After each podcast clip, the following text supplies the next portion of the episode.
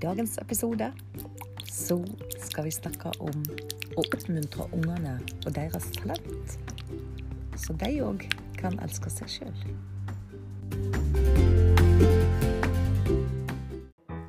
Hjertelig velkommen til tid hvis ikke nå-podkast. Podkasten for deg som har lyst til å følge drømmen din. Mitt navn er Linda Fosse, og jeg er artist. Og jeg har en lidenskap for å inspirere andre til å våge å følge sin drøm. For når skal du våge å ta tak i drømmen din, hvis ikke nå? Hvis ikke nå. Ja, velkommen til nok en episode ifra Badestampen.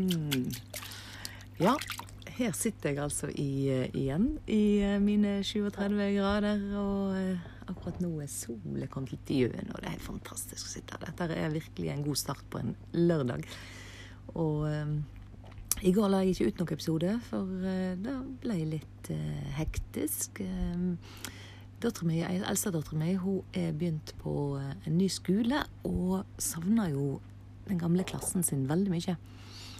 I tillegg så hadde hun jo ikke fått feire bursdagen sin, for at eh, det var Hun hadde bursdag tre dager etter verden lukka ned i mars.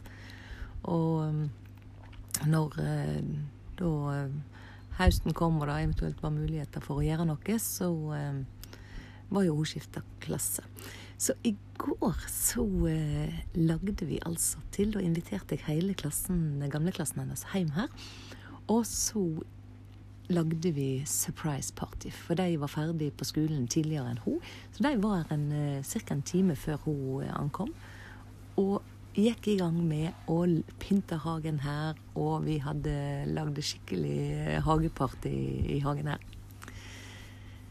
Det er ei glede å få være med en haug med unger. Det syns jeg er kjempegøy. For de er så spontane, og når de får være eh, i en sånn fri setting som i en hage og lager te til bursdag, så er det gøy å se de ulike typene og hva deres ulike um, hva skal jeg si, talent er.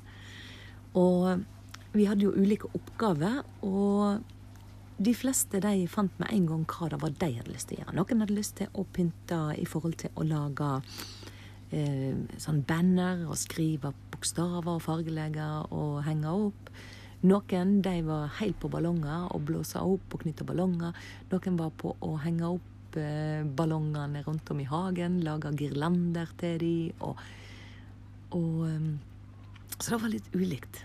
Og så går jeg forbi bordet der så det sitter en gjeng og tegner, og sånt, og da sier han ene av elevene Ja, jeg, jeg tegner ikke noe, altså, men jeg sitter her bare og underholder. Og han er en fantastisk entertainer, og han er så vittig. Og selvfølgelig i klassen sikkert eh, ikke alltid at eh, timingen er god i forhold til at læreren skal jo ha det stilt i klassen, og alt sånt. Og da tenker jeg på når jeg sjøl gikk på skolen, for vi hadde òg noen som hadde en timing som var helt ubetalelig. De kunne lage spøker på de mest fantastiske tider og av de mest geniale ting, hvor klassen bare grylte ut i latter, og hvor læreren ble selvfølgelig ikke happy.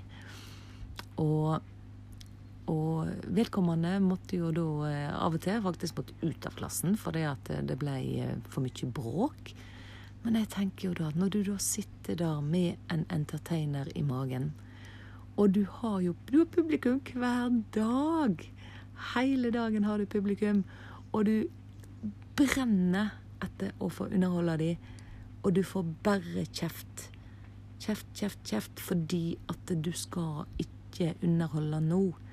Mens de som har et kjempetalent for å sitte i ro og har interesse for å sitte og lære seg å skrive, lære seg matte og alt, de blir belønna og, og hausa opp i forhold til at ja, du er kjempeflink. Mens den, fordi at de passer inn i systemet. Ser du hvor jeg vil hen? De passer inn i systemet. sant? Og de går gjennom hele skolegangen og får virkelig belønning for at de har de talentene de har. Men tenk på alle de andre talentene. Tenk på den entertaineren. Tenk på den kunstneren som bare har lyst til å sitte og, og tegne vakre skulpturer, eller altså tegne nydelige bilder i matematikken, som bare får kjeft. Sitt i ro. Tei stille. Det er ikke det vi har nå. Og hva mye kunstfag har vi i, i skolen i dag?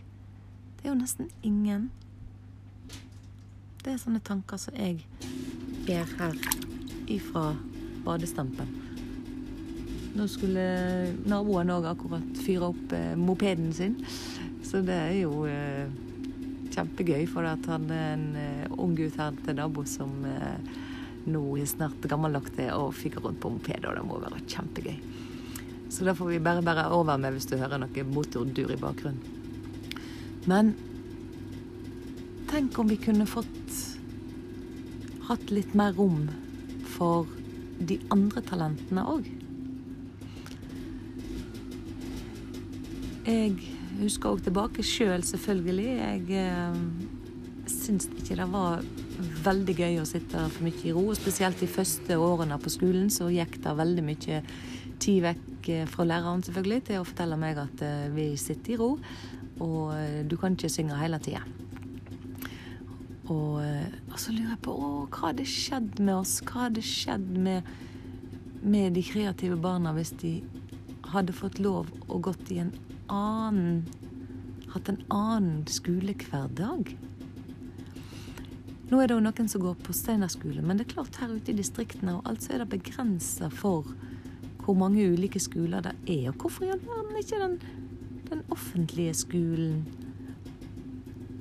um, Hvorfor er ikke den litt mer fleksibel? Vel, det kan vi jo lure på, men i alle fall Har du et barn som er da over middels kreativ. Pass i alle fall på å ros deg for de egenskapene så til de grader. Og forklar de at det er ikke deg det er noe galt med, fordi at eh, det er bare systemet som ikke er tilrettelagt. Det er systemet som ikke er sånn at de får utfolde seg kanskje så veldig på, på skolehverdagen. Og jeg tenker ved å oppmuntre de, ved å tilrettelegge på ettermiddager og helger, så kan de òg få den mestringsfølelsen og den aksepten som de òg trenger. For er det noe vi trenger her i verden i dag, så er det noen som underholder, og noen som får oss til å le. Så dette var kanskje litt på sida av det å følge drømmen, men kanskje ikke. For det er lettere å følge drømmen hvis du får aksept i livet for at du er den du er, og at den du er, er bra nok. Og at du kan elske deg sjøl for at du er akkurat den. Og har de talentene som akkurat du har.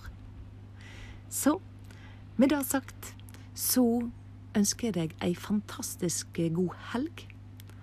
Og nyt livet. Og følg drømmen. For hvor tid hvis ikke nå. Du kan ikke vente i all eva. Så kort tid